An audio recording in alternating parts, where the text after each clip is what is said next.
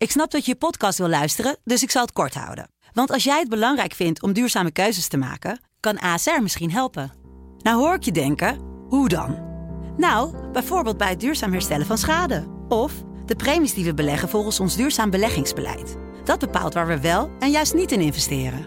Wil je meer weten over welke duurzame keuzes ASR maakt? Ga dan naar asr.nl slash duurzame keuzes. ASR doet het. Zo, dan kan je nu lekker naar je podcast luisteren.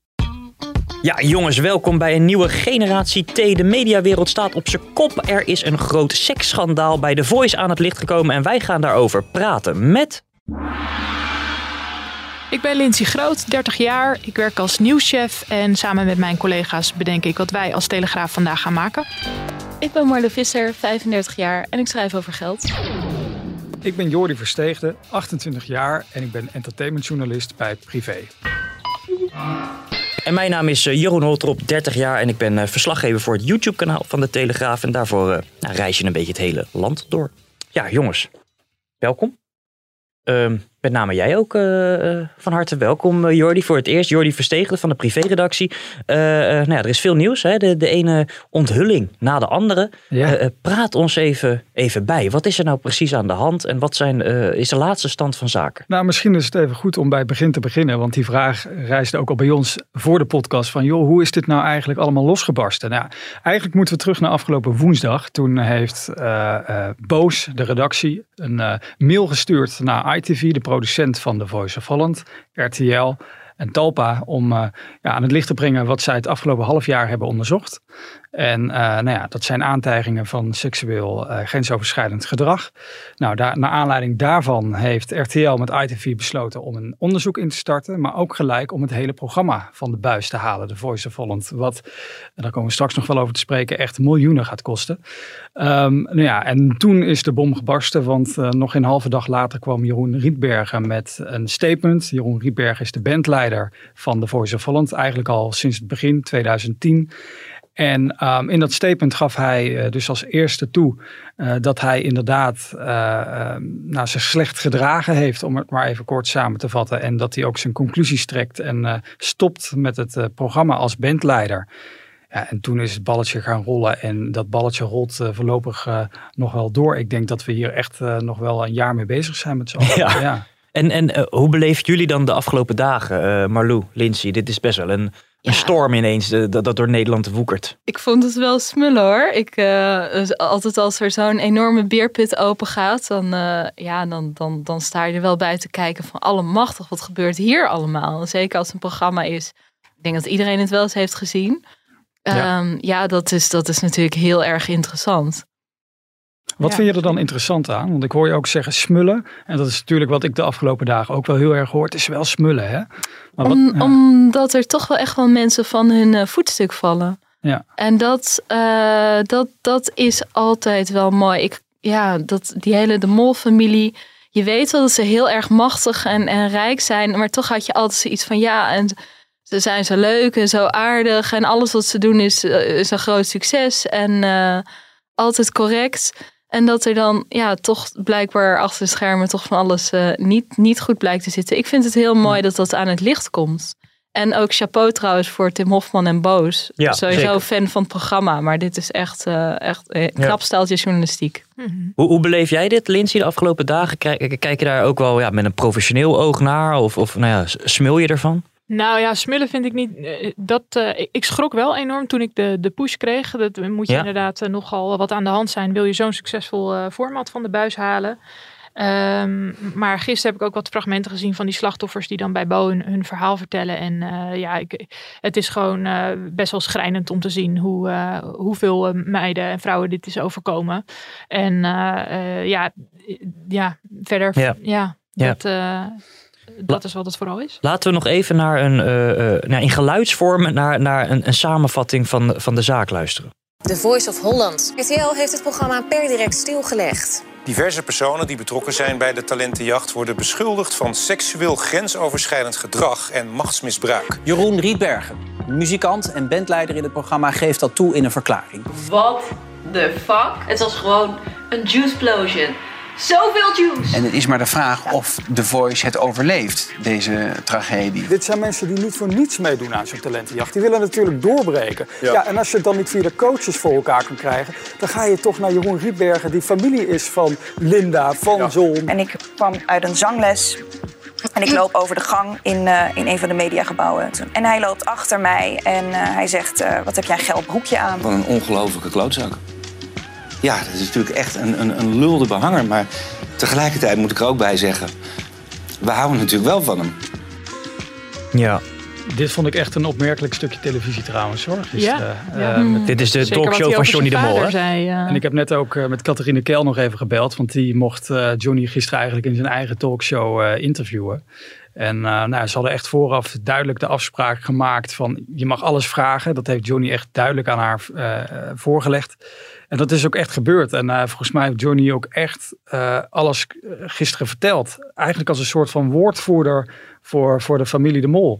En dat vind ik tegelijkertijd ook wel een beetje het laffe deze week. Dat we John de Mol, Mhm. die verantwoordelijk waarschijnlijk is geweest hiervoor. En ik durf het met 99% zekerheid te zeggen. Want dit speelde zich af in 2016. John was verantwoordelijk voor The Voice op dat moment namens Talpa. Dat we die nog nergens horen. Dat Johnny Mhm. dan het woord moet voeren in zijn talkshow. Ja, dat heeft hij Is echt- dat een opzetje, denk je? Want het komt natuurlijk heel persoonlijk over en, en hij praat over zijn familie. Of is er gewoon achter de schermen contact geweest van Johnny, eh, ja, doe jij dit even? Nou ja, Johnny had geen andere keus, want zijn talkshow stond gewoon gepland eh, op, eh, op deze dag. Eh, dit was het begin van een nieuw seizoen.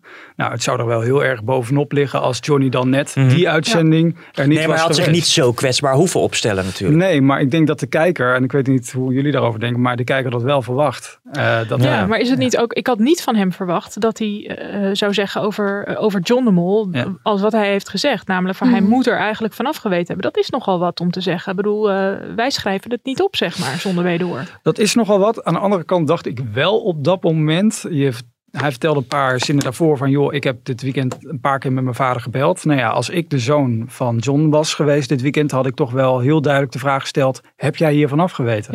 En dan weet ik zeker dat mijn vader Precies. eerlijk had geantwoord. Maar denk je dat zij contact hebben gehad voor die uitzending van Johnny? Ja, Ja. meerdere keren. Dat, eh, dat vertelde Johnny ook. Dat ze, Mm, eh, ja. Trouwens, daar moet ik eerlijk eh, over zijn. Niet op, gisteren op de dag zelf, maar die dagen ervoor. Want gisteren zat John in het vliegtuig. Die was op een bestemming ergens ver weg.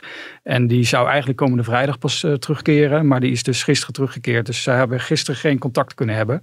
Eh, maar geloof maar dat er echt, eh, met, ook met de mensen achter John. Hè, John is meer dan alleen John. Mhm. Dat er echt wel heel duidelijk is afgesproken. Wat ze wel en niet ongeveer gingen zeggen. Ja.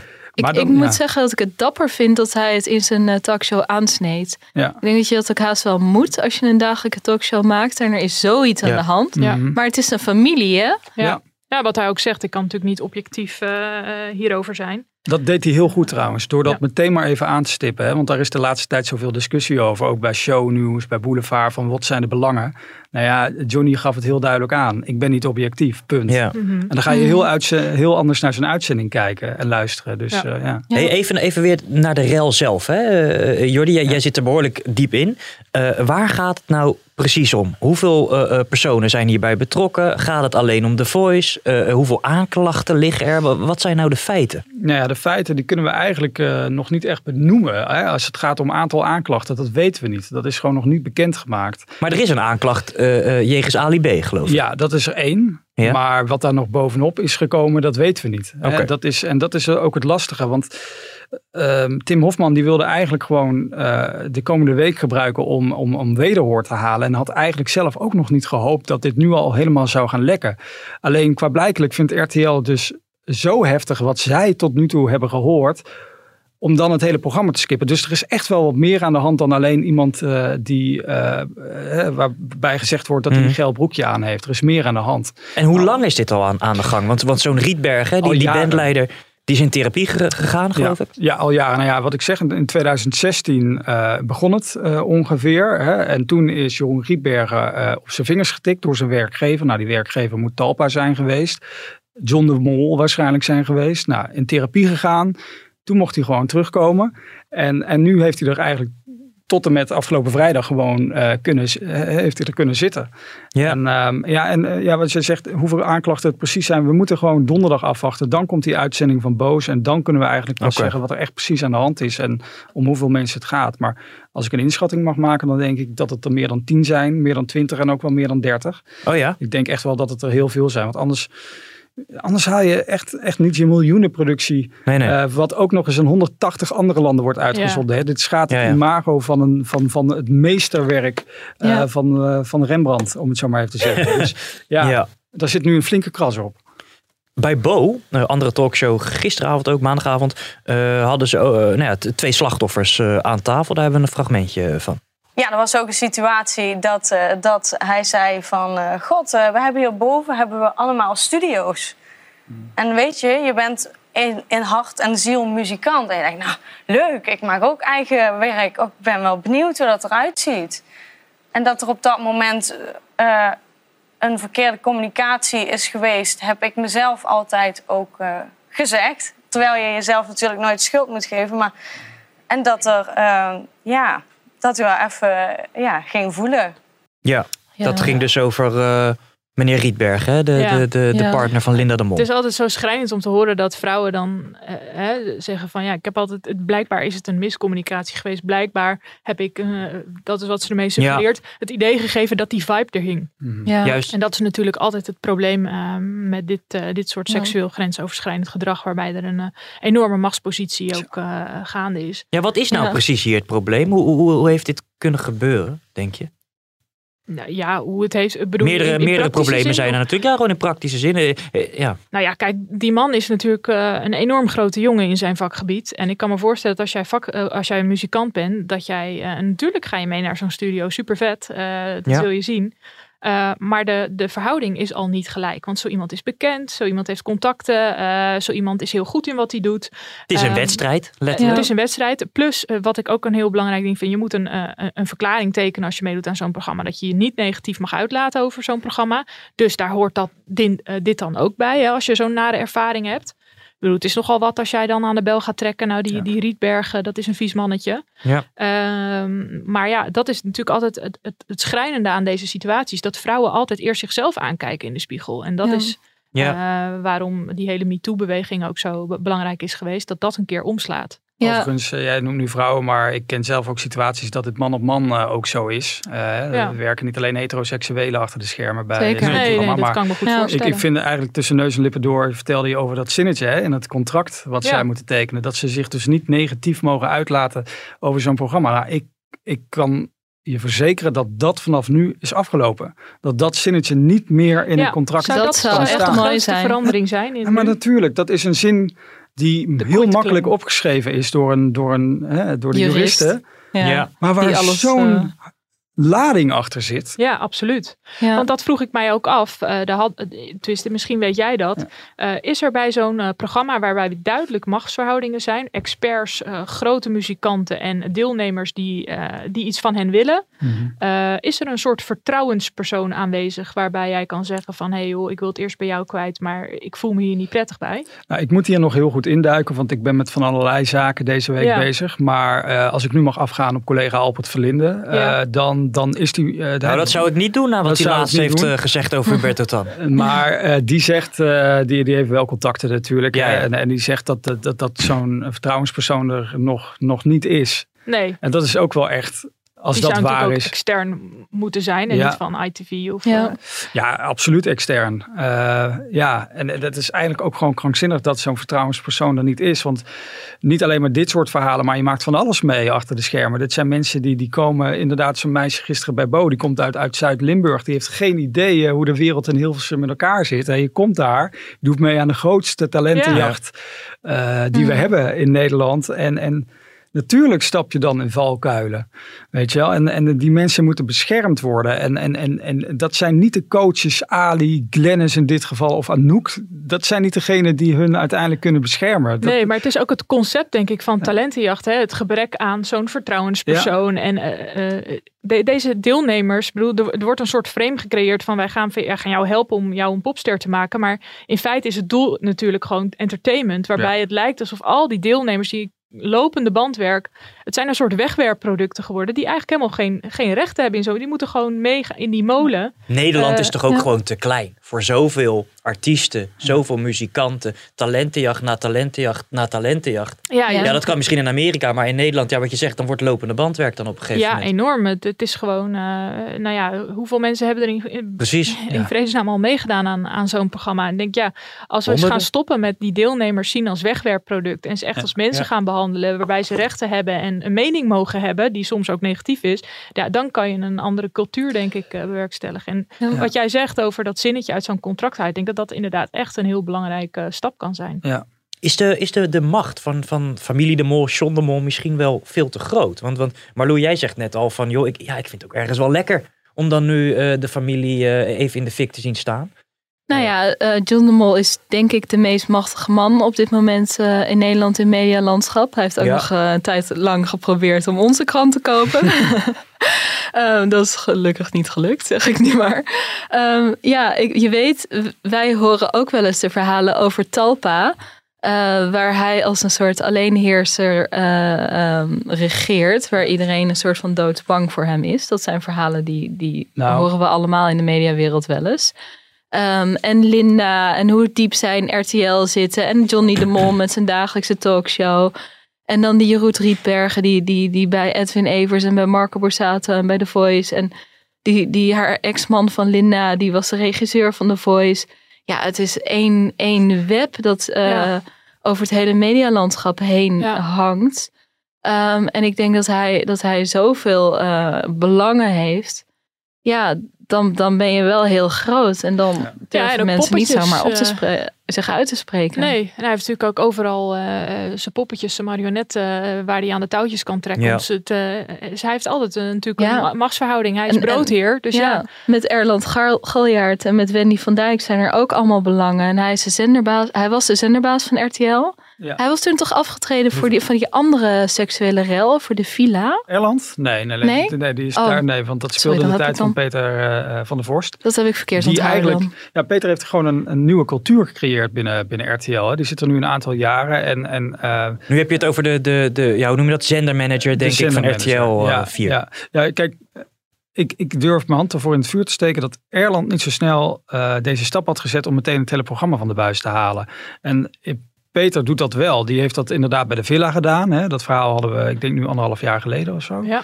En, en die, doet dat, die doet dat nu wederom. Eh, en, en een zero tolerance eh, beleid. En, en, en dat straalde Erland in mijn ogen eh, absoluut niet uit. Ja, het is natuurlijk wel een beetje als het kalf verdronken is, dempt men de put. Want eh, ja, dat is zo. Maar, het was al lang, veel langer aan de orde. Eh, hij had natuurlijk eerst uit zichzelf onderzoek kunnen doen van joh, hoe is die cultuur daar Ja. eigenlijk in plaats had van natuurlijk vijf jaar programma- geleden had hij het eraf moeten gooien. Nou, Ja, hij, toch? had- hij had vooral toen, eh, eh, De bezem er door moeten halen. toen Ja. Tim. Hofman in tw- op 20 augustus eh, vorig jaar die oproep deed eh, van eh, heb je klachten over de Voice, had de RTL moeten denken, joh, zijn er klachten? Laten we zelf ook eens even een Exact. onderzoek doen. Ja. En heeft hij überhaupt al wat zich, van zich laten horen, die Peter van der Vorst? Nou, toevallig vanochtend eh, weer even contact gehad eh, met eh, de vrienden van RTL. En die, die, die reageren daar nog niet op. Want ik ben gewoon benieuwd, wanneer gaat hij in een talkshow zitten? Of wanneer Ja. gaat hij bij ons in de krant, eh, Ja. het liefst natuurlijk, eh, zijn verhaal doen?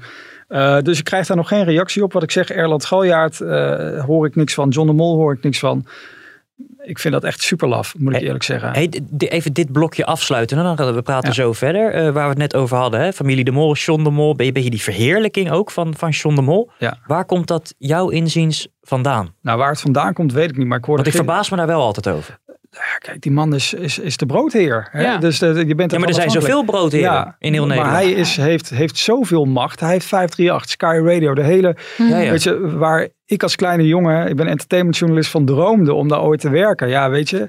Nou, ik hoorde gisteren, dat wilde ik even vertellen, een verhaal. eh, dat, dat als John dan op kantoor komt, dat dan eh, beneden iemand bij de receptie het hele pand gaat afbellen om te zeggen, John de Mol is in het huis, John de Mol is in het huis. En dan gaat iedereen rechtop zitten op de stoel, want John de Mol is een... Zo'n cultuur hangt er bij Talpa, waar die man of, eh, ook komt. Of dat nou in de studio bij VI is, of dat het nou bij 538 in het pand is, of in het tv-pand van Talpa. Maar dat vindt die je man zelf toch ook niet leuk? van. Het is Korea-vibes. En ik heb zelf wel eens interviews geha- gehad met, eh, met, eh, met John. En eh, nou ja, goed, eh, kijk je achter de schermen, dat gaat ook niet zonder slag of stoot. Dat is echt, dat moet langs allerlei ja. communicatie af. Daar is niks echts aan hoor. Eh, Nee. en, en, en, dat, het- en toch, als ik, ik kan het meest vanuit mezelf spreken. eh, misschien komt dat ook nog omdat ik nog niet zo eh, ben ook nog jong, 28, dat je, dat je daar nog te veel door laat pakken. Maar ik vraag me ergens af van, joh, zijn er mensen die hem wel durven tegen te spreken?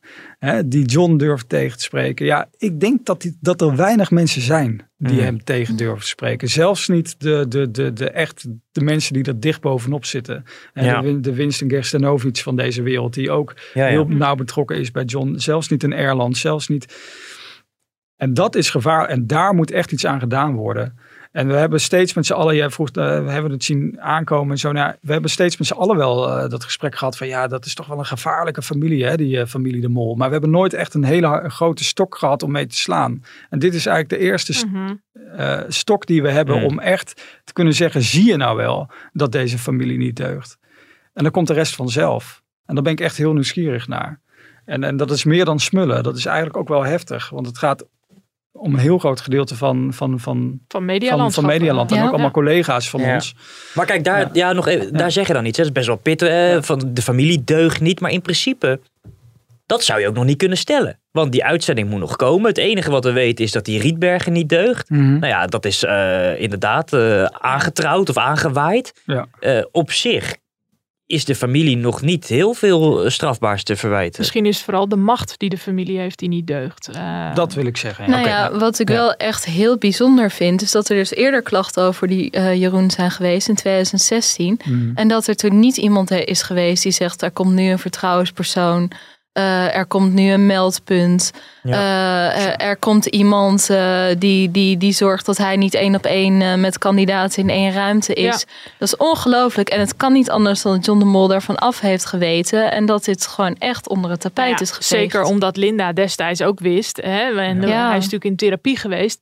Ik vraag me ook af, ja, het is natuurlijk een familie en, en moeilijk, moeilijk. Maar als, als er zo'n groot programma is, zo'n belangrijke inkomstenbron. Waarom neem je niet zeker voor het onzeker en zeg je gewoon, Jeroen, dit was het. Eh, jij gaat nu iets anders leuks doen. Ja. Maar het houdt hier voor jou op. En eh, we doen het alsof jij er geen zin meer in hebt. Maar eh, we gaan het nu. eh, en vanuit tactisch oogpunt snap ik dat niet. Nee, en ik, Nee, maar ja. ik zou... Het is je Ethisch, familie. ethisch Ja. gezien is het natuurlijk. eh, We, we- we gaan even door, jongens. Want we, we, we praten zo verder. We gaan even naar een luchtig tussendoortje. Want Marlou, jij kwam binnen vanmorgen en zei... ik heb te maken met een first world problem. First world problems. Ja, ik heb echt een enorm luxe probleem. Ik ben ineens een soort van per ongeluk eh, lid van twee sportscholen tegelijk. dat komt zo. Ik had eh, een abonnement eh, waarmee je op heel veel plekken tegelijk kunt sporten via een app. Heel prettig is dat. En ik wil het abonnement ook niet opzeggen, want de voorwaarden voor nieuwe leden zijn slechter dan voor oude leden. Nou ja, dat. Maar we hadden natuurlijk een lockdown de afgelopen weken. Er kon en mocht bijna niks. Maar er waren wel wat sportscholen die toch eh, buiten wat lesjes gaven. En eentje bij mij in de buurt, die hebben een hele fijne binnenplaats. En daar geven ze hele fijne binnenplaatslesjes voor hun leden. Dacht ik, ja, dan word ik daar gewoon eh, ook een paar maanden lid. Want die lockdown die duurt toch nog eeuwig. En toen was ineens de lockdown opgeheven. En toen had ik twee dure sportschoolabonnementen. maar ik sport heel graag, dus ik ben er op zich niet, niet ongelukkig mee. ik, ik moet vooral even wennen aan het feit dat Marloen niks cancelt. Ja, eh, wat ben je... eh, je gaat positief het nieuwe jaar in. Ja, Misschien was dat wel mijn goede voornemen, Jeroen. Oké. Ehm, terug naar het verhaal, eh, jongens, naar, naar de Voice. Lindsay, dat, dat is natuurlijk een heel gevoelig onderwerp dit. Hè? Veel aantijgingen, maar ook heel veel geruchten. Ja. Speculeren, heel veel dingen. Ja, je weet het gewoon niet. Hoe gaan wij als, als krant zijn, als telegraaf zijnde daarmee om? Nou ja, ik, ik was even aan het. eh, ik heb afgelopen weekend eh, niet gewerkt. Dat moet ik er even bij zeggen. Mijn collega had, eh, had dienst. En ik zat even te kijken hoe dat nieuws nou zich heeft ontwikkeld. En eigenlijk hebben we weinig creatief hoeven zijn die dag om, om nieuws te maken. Want het kwam vanzelf. Ja. Jeroen Rietbergen kwam met de verklaring. Anouk die gooide wat olie op het vuur. Dus, maar op een gegeven moment hebben wij wel aan, aan John hebben we contact gehad met John van de Heuvel. En die schreef wel in zijn column van joh, al die, al die geruchten. Ehm, we kunnen, er werd op een gegeven moment ook een eigen onderzoek hè, gelanceerd. We gaan een eigen onderzoek doen Ja. naar eh, wat er nou precies is gebeurd. Een soort van slagercursus eigen vlees. En daarvan zei John terecht, en dat is denk ik de duiding die we als journalisten kunnen geven. Moeten we dit niet gewoon lekker overlaten aan het, aan het OM? In plaats van eh, eigen onderzoek. Dus dat is wel iets wat je de lezer een beetje mee kunt geven. Van, eh, hè, om, de feiten kennen we allemaal. Daar hoef je geen moeite voor te doen. Maar eh, probeer het nou eens eventjes daarachter te belichten. De achtergrond en de duiding daarachter. En daarom vond ik de column eh, van John eh, erg goed. Ik denk, ja, we kunnen met z'n allen wel eh, geruchten gaan verspreiden en Ja. dat soort. Maar dit moet je eigenlijk overlaten aan het OM. Moet er natuurlijk wel een aangifte liggen, maar die lag er te- tegen, tegen Ali B. Hè? Ja. Dus ja, dat is, eh, ehm, dat is wat er is gemaakt. En verder ga je natuurlijk in de, naarmate je merkt wat het, wat het nieuws allemaal is, dat die uitzending van de buis worden gehaald. En eh, nou ja, dan, dan eh, ga je natuurlijk proberen om met oud, eh, oud-slachtoffers eh, te spreken. Zeker Oh ja. aangezien Jeroen Rietberg natuurlijk al had erkend dat hij fout is geweest. Ja, dan kun je redelijk safe kun je gaan, met mensen gaan praten die naar contact met Mhm. hem hebben gehad. Ja. Ehm, maar ook wij zijn natuurlijk heel benieuwd naar de uitzending Ja, van donderdag. van, van donderdag. Maar ook naar vooral, persoonlijk ben ik heel benieuwd wat het OM hiermee gaat doen. Ja. Nog even over die, die rol van de media. Hè? Ja. Vind jij, denk jij dat klassieke media hier gewoon eh een steek hebben laten vallen de afgelopen jaren? Want het balletje is gaan rollen volgens mij vanuit de online wereld. Dus juice channels, eh, eh, nou ja, eh, Ja. we kennen het allemaal wel. Ehm, en programma's als Boulevard, Shownieuws hebben ook wel heel lang hun mond gehouden. Daar Ja, lijkt het op. Nou ja, dat is natuurlijk het probleem wat we eerder ook in een, in een podcast hebben, hebben behandeld. En waar juice channels eh, natuurlijk een heel slim gat in de markt hebben gevonden. Eh, die zijn niet afhankelijk van broodheer John de Mol, die hun salaris betaalt. Of een andere eh, grote jongen. Eh, dat zijn mensen die gewoon compleet aan het freewheelen zijn eh, online. En dat betekent niet dat ze maar wat roepen. Maar dat betekent dat ze niet met andere belangen te maken hebben. En, eh, Ja, het is volgens mij ook nog, dat zeiden we eerder ook. Volgens mij hebben we nog geen rechtszaak gezien tegen Roddelpraat Nee. of tegen Yvonne Koldewijer of Nee. tegen een van, de, van die anderen. Eh, vaak denken de mensen om wie het gaat toch van ja, als ik er een zaak van maak, dan wordt het alleen maar groter. Dus laat maar zitten. Ja. Dat hebben wij als krant natuurlijk wel af en toe gehad. Als je iets bracht, eh, dat je gewoon wordt aangeklaagd en dat je soms ook eh, grote bedragen moet dokken. Ja, als ze dat Maar vaak ook gelijk als dat gehaald, gebeurt, vaak ook gelijk gehad, ook wel eens niet gelijk gehad of niet hard genoeg kunnen maken.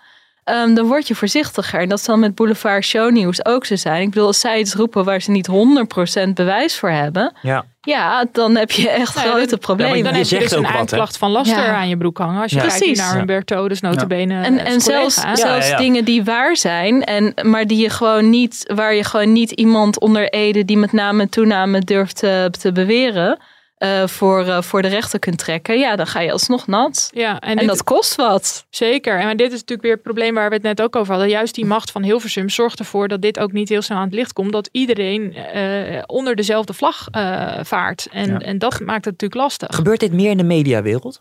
Eh, eh, dan bij wijze van in eh, op Nou, een, eh, ja, een boekhoudkantoor of zo? Nee, helemaal niet. Nee, ik spreek af en toe met bedrijfsrecherchebureaus. Die worden dan vaak ingeschakeld als externe partij om onderzoek te doen. Die zeggen het is sinds MeToo echt geëxplodeerd. Het aantal meldingen van ongewenste intimiteiten, van machtsmisbruik. Bedrijven die zijn er bijna fulltime mee bezig. Vier, vijf keer vaker dan in de jaren daarvoor. Dus het komt eigenlijk op alle plekken voor. Maar wel en- meer in de media, heb ik altijd het idee. nee, Creatieve nee. Dus mensen. het is misschien Nee. zichtbaarder omdat ze. Zichtbaarder. Of is Maar dat wat, zichtbaar? Ja, wat oké. kunnen bedrijven daar eigenlijk mee? Stel, eh, eh, ik, ik, of ik, ik maak een melding en eh, het bedrijf schakelt zo'n bedrijfsrecherche Nou, in. Wat ja. is dan het verloop van zaken? Ehm, als werkgever heb je een wettelijke plicht om te zorgen voor een veilige werkplek. Ehm, daar hoort op zich ook wel bij dat mensen niet eh, ja, seksueel geïntimideerd Mhm. worden. Dus vaak als, er, als een bedrijf een beetje wat groter is, dan wordt er een vertrouwenspersoon aangesteld. Dat ze horen een plan van aanpak te maken over veiligheid op de werkplek. En daar, daar, hoort, daar kan zoiets bij horen. Heel veel bedrijven hebben ook gedragsrichtlijnen. Ik denk dat we die zelf ook hebben moeten tekenen toen we in dienst kwamen. Over wat wel en niet kan. En er staat vaak iets in van ja, we gaan met respect met elkaar om. En eh, geen discriminatie, geen seksuele intimidatie. Nou, dan heb je al veel meer poten op te staan dat als iemand over de grens gaat. eh, dat je diegene eh, ook arbeidsrechtelijke gevolgen, dat, dat ontslag of overplaatsing of iets dergelijks. Ehm, dus Maar- bedrijven, zeker sinds MeToo, eh nemen ze het veel serieuzer op. Waar ligt nou precies die juridische grens? Het is misschien een hele rare vraag Dat hoor. is, Maar ja, seksuele bijna onmogelijk. Het is Ja. natuurlijk een heel, heel breed begrip en dat is wat het ook Zeker. zo lastig maakt. Er, er zijn wel officiële definities. Er staat ook iets in de Arbowet dat het fysiek kan zijn, maar ook verbaal en zelfs non-verbaal. Ehm, maar eigenlijk gaat het om hoe wordt gedrag ervaren? Hoe is gedrag bedoeld? En wat is er concreet be- gebeurd? En in het speelveld daartussen is het dan aan onderzoekers zelf, is het dan aan, aan onderzoekers intern of extern om te bepalen van zijn hier grenzen overschreden? Maar als je het iets concreter maakt, hè, gewoon in Jip en Janneke taal. Wat is er op dit moment strafbaar en wat niet? Nou, er is een eh, flinke eh, grijs gebied tussen eh, ongewenst gedrag en strafbaar gedrag. Want er is niet zo vreselijk veel echt aanranding en verkrachting. Dat is strafbaar. Ehm, maar met, met aanranding, nou ja, er, er moet ook iets zijn van dat je niet weg kunt, terwijl je eigenlijk weg wil, dat je in een soort hoek eh, eh, wordt gedrukt. Niet elke aanraking is zomaar aanranding. Ehm, dus juridisch gezien ligt die scheidslijn best wel eh, lastig. En ik denk zeker met machtsmisbruik, wat ook niet strafbaar is. Ehm, ja, het is zo. Sommige dingen in het leven willen we allemaal wel, zoals kansen en erkenning en roem en geld. Bijna iedereen wil het wel, zeker als je jong bent. En vooral aan jonge vrouwen wordt soms gevraagd om daarvoor te betalen met hun lichaam. En het feit dat sommigen daar ja op zeggen, wil natuurlijk nog niet zeggen dat die vraag ooit oké is geweest. Maar machtsmisbruik is dus niet strafbaar. Maar het kan wel in een bedrijfsreglement staan dat zoiets absoluut niet kan en mag. En als, als in, in theorie, als ik nu tegen jou zeg, ja, misschien een beetje ordinair, maar Marlou, wat heb jij een geile broek aan? Dat mag. Hoe definieer je dat mag? Ja, en, maar het is een beetje met, met dit soort dingen. Eh, stel, jij zou het elke week tegen mij zeggen. En ik heb al een keer gezegd van... joh Jeroen, ehm, dit soort opmerkingen vind ik gewoon heel ongemakkelijk. Ja. En je gaat daarmee door. Dan zou ik daar wel een klacht over Maar is kunnen het de indienen. verantwoordelijkheid van het slachtoffer eh, om het even om, zo te om grenzen aan te geven. Ja? ja, ja, dat is natuurlijk niet helemaal kies. Want ehm, ja, dat is gewoon best wel kut dat jij als slachtoffer zelf in actie Ja, moet dat komen. ongemakkelijk. Maar voor iedereen ligt die grens ook ergens anders. Ehm, en het is een beetje als jij als ja, als jij een grens hebt aangegeven en iemand gaat er toch overheen. Nou, dan kun je naar een leidinggevende stappen of een vertrouwenspersoon of personeelszaken en zeggen van joh, dit en dit is er aan de hand. En ik voel me hier echt onprettig bij. Mhm. En dan, als het bedrijf een knip voor de neus waard is, komt het in actie. Ja, kan, kan iemand ontslagen worden omdat hij meermaals eh, dit soort opmerkingen maakt? Ja, weet zeker als dat zo in zo'n contract, in zo'n reglement. eh, bijna elke organisatie heeft een soort van gedragscode hè, die je tekent. En die is strenger dan de wet. Dus dan kun je ook zeggen van ja, ehm, wij dulden absoluut geen discriminatie. We dulden absoluut geen eh, eh, drugsgebruik, whatever. Weet je, alcohol op de werkvloer. Dat zijn allemaal geen dingen waarvoor je direct naar de politie kan gaan Mhm. of de wet overtreedt. Maar dat kun je als bedrijf wel vastleggen van wij dulden dit niet, doe je het toch, dan, dan kan daar ontslag op volgen. Ja, maar het moet niet. Je hoeft als bedrijf niet zo'n gedragscode te hebben, maar het is wel heel erg uit te raden. Want, ja. want dat is wel interessant. Als je kijkt bijvoorbeeld even terug naar de Voice. Stel Ja. dat er in die, eh, in die contracten staat van dit is gedrag wat wij niet tolereren en daarop eh, hè, zijn sancties. Ja. Als zij wisten van het gedrag van Jeroen Rietberg een aantal Ja. jaren geleden, dan kun je dus afvragen waarom hij destijds niet ontslagen is. Dat Exact. is waarom ik het vroeg. Exact. Ja, Ehm, dat, dat, maar dat, dat is denk ik ook een hele goede vraag. Ja, Daar gaat het onderzoek ook over. Ja, waar we het antwoord ook niet op... Ja. Ja. Ja. ja. De, Daarom, de, de ja. cancelrubriek. Gaan we even heen. Gecanceld. Gecanceld. Gecanceld. Je doet nu echt niet meer mee. Ja, het is eigenlijk ook wel een luxe probleem dat we en een eh, first world problem hebben en een cancel rubriek. Ja, maar ja. voordat ik jullie ga vertellen wat, eh, eh, wat ik wil cancelen, ga- wil ik jullie eerst even wat laten horen.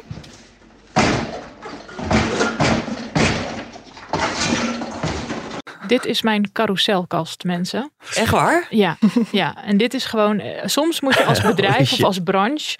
moet je gewoon bedenken: van hey, tof idee. Een kast die kan draaien, waar je je pannen in kan pleuren.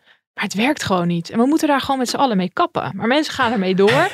en het is gewoon elke keer als jij je carouselkast opendraait en een pan draait. Al Ja, ja. die bende komt eruit steken. Eh, Er staat niet te veel in, want ik ruim hem wekelijks op. Ja? Maar elke keer hapert die weer. En het is alsof het halve gebouw in elkaar flikkert. Oké. Ja, ja. Is, ik heb het idee dat het een exclusieve IKEA-uitvinding is. Of is dat niet helemaal waar? Eh, nee, nee, het is van een ander merk. Ik ga het merk Hmm. niet noemen. Maar het is, eh, de, eh, de carouselkast aan zich werkt gewoon niet. En Koen begon heel bij de hand te doen in onze groepsapp. Ja. Zegt nee, kijk maar, mijn, het ligt gewoon aan jou. Mijn carouselkast werkt wel. Maar eventjes ter vermijding van misverstanden. Hij heeft een kast die je kan uittrekken. Dus dat is wel echt degelijk wat anders. Aha. Goed dat we dat even weten. Ja, Nee, oké, eh, gecanceld, staat genoteerd. Eh, terug naar het onderwerp, eh, talentenjachten. In dit geval de Voice of Holland. Jordi, ehm, ehm, is dit houdbaar, denk jij, Nee. voor de toekomst? Nee, dat was echt het eerste wat ik zei. Het ging dit weekend heel erg over The Voice. Toen dacht ik, ja, maar dit legt gewoon een bom onder alle talentenjachten. Want dit zegt zoveel nu al. Wat zegt dit over dan? de cultuur achter de schermen bij. En eigenlijk niet alleen bij, bij, bij, ehm, bij The Voice of talentenjacht, maar überhaupt bij televisie. Ik heb zelf ook in die wereld gewerkt. eh, bij Boulevard rondgelopen, eh, meerdere programma's. En het is, het, het, is elkaar verheerlijken. Het is ja, de macht die het uitstraalt, daar moet wat aan gedaan worden. Aan die ja, aan verhoudingen, zeg maar. Het, het zit Ja. hem in de verhoudingen. Ja, ik, ik, ik wil hier zoveel woorden over zeggen, maar... Maar Marloes denk- zegt net ja. juist van, joh, het gebeurt eh, eh, eh, Ja. in elke branche. Ja, weet je waar het Ja. ook heel veel Ja, gebeurt? Ehm, in distributiecentra waar dan uitzendkrachten werken uit Polen, Oh ja, Roemenië. ja, Die dan voor hun werk en voor hun verblijfsvergunning en voor hun woonruimte. Oh ja. Maar mensen zijn bij talentjachten. Ik zei net al van er zijn bepaalde dingen die we allemaal wel willen. En Ja. soms ben je bereid om daar meer voor te doen dan je eigenlijk zou willen.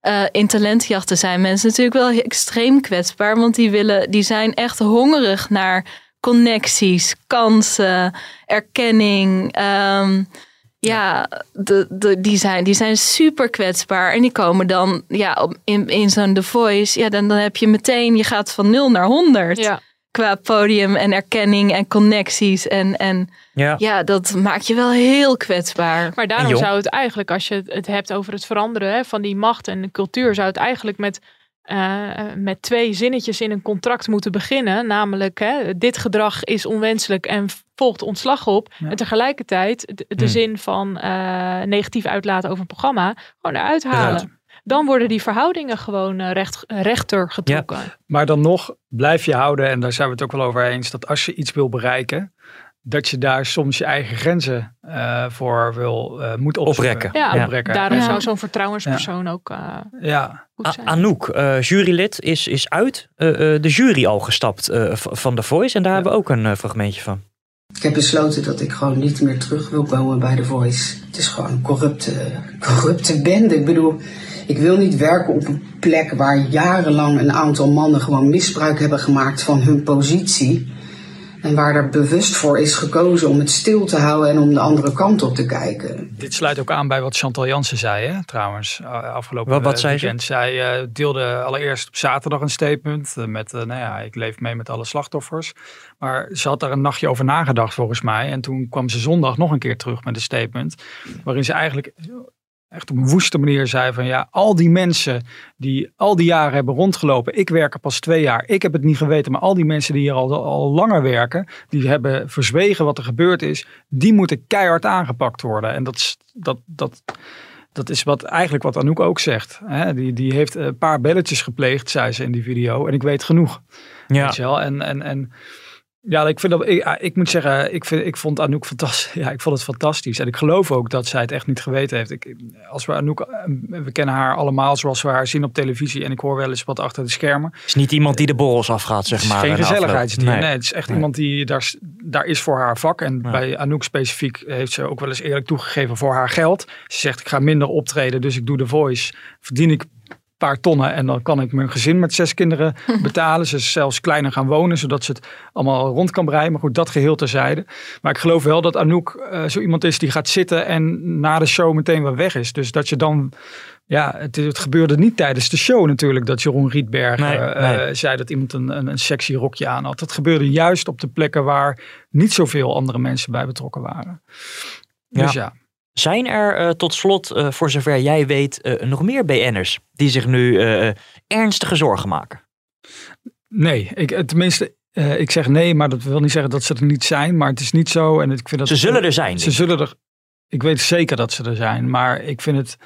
Het laatste wat we moeten doen is nu namen gaan roepen. Mhm. Met ja, die zal wel. Ja. Ehm, want dat, dat heeft geen enkele zin en dat moeten we echt niet willen. Dan Nee. schaden we alleen nog maar meer. Kijk naar Humberto Tan, wat Exact. Albert, Mm, ja. ja.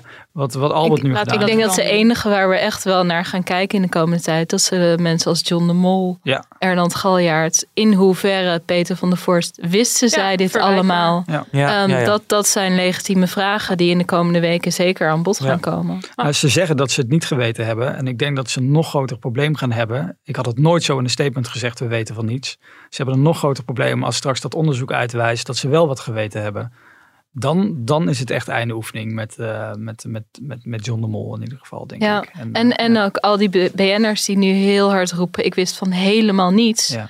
Ik denk dat zij, het- ja, Zeg dat, dat het voor hen, eh, dat er ook wel echt mensen, eh, dat mensen nu echt gaan praten en dat daar ook wel een beetje onderzoek naar gaat worden gedaan van, is dat wel echt zo? Maar je hebt daar jaren gewerkt. Hoezo Ja. heeft dan niemand iets tegen jou gezegd? Als één slachtoffer zegt, maar ik heb wel een keer uitgehaald bij Chantal Jansen, dan is het voor haar ook einde oefening. Het is afwachten, jongens. Donderdag de uitzending van Boos. Allemaal kijken. Ik denk dat dat eh, tot recordhoogte zal stijgen, die, die, die aantal kijkers. Eh, eh, thanks voor jullie komst. Eh, luisteraars, eh, bedankt voor het luisteren. Laat even een beoordeling achter. Doe dat op Spotify of ja, wherever. En eh, tot de volgende keer. Hoi.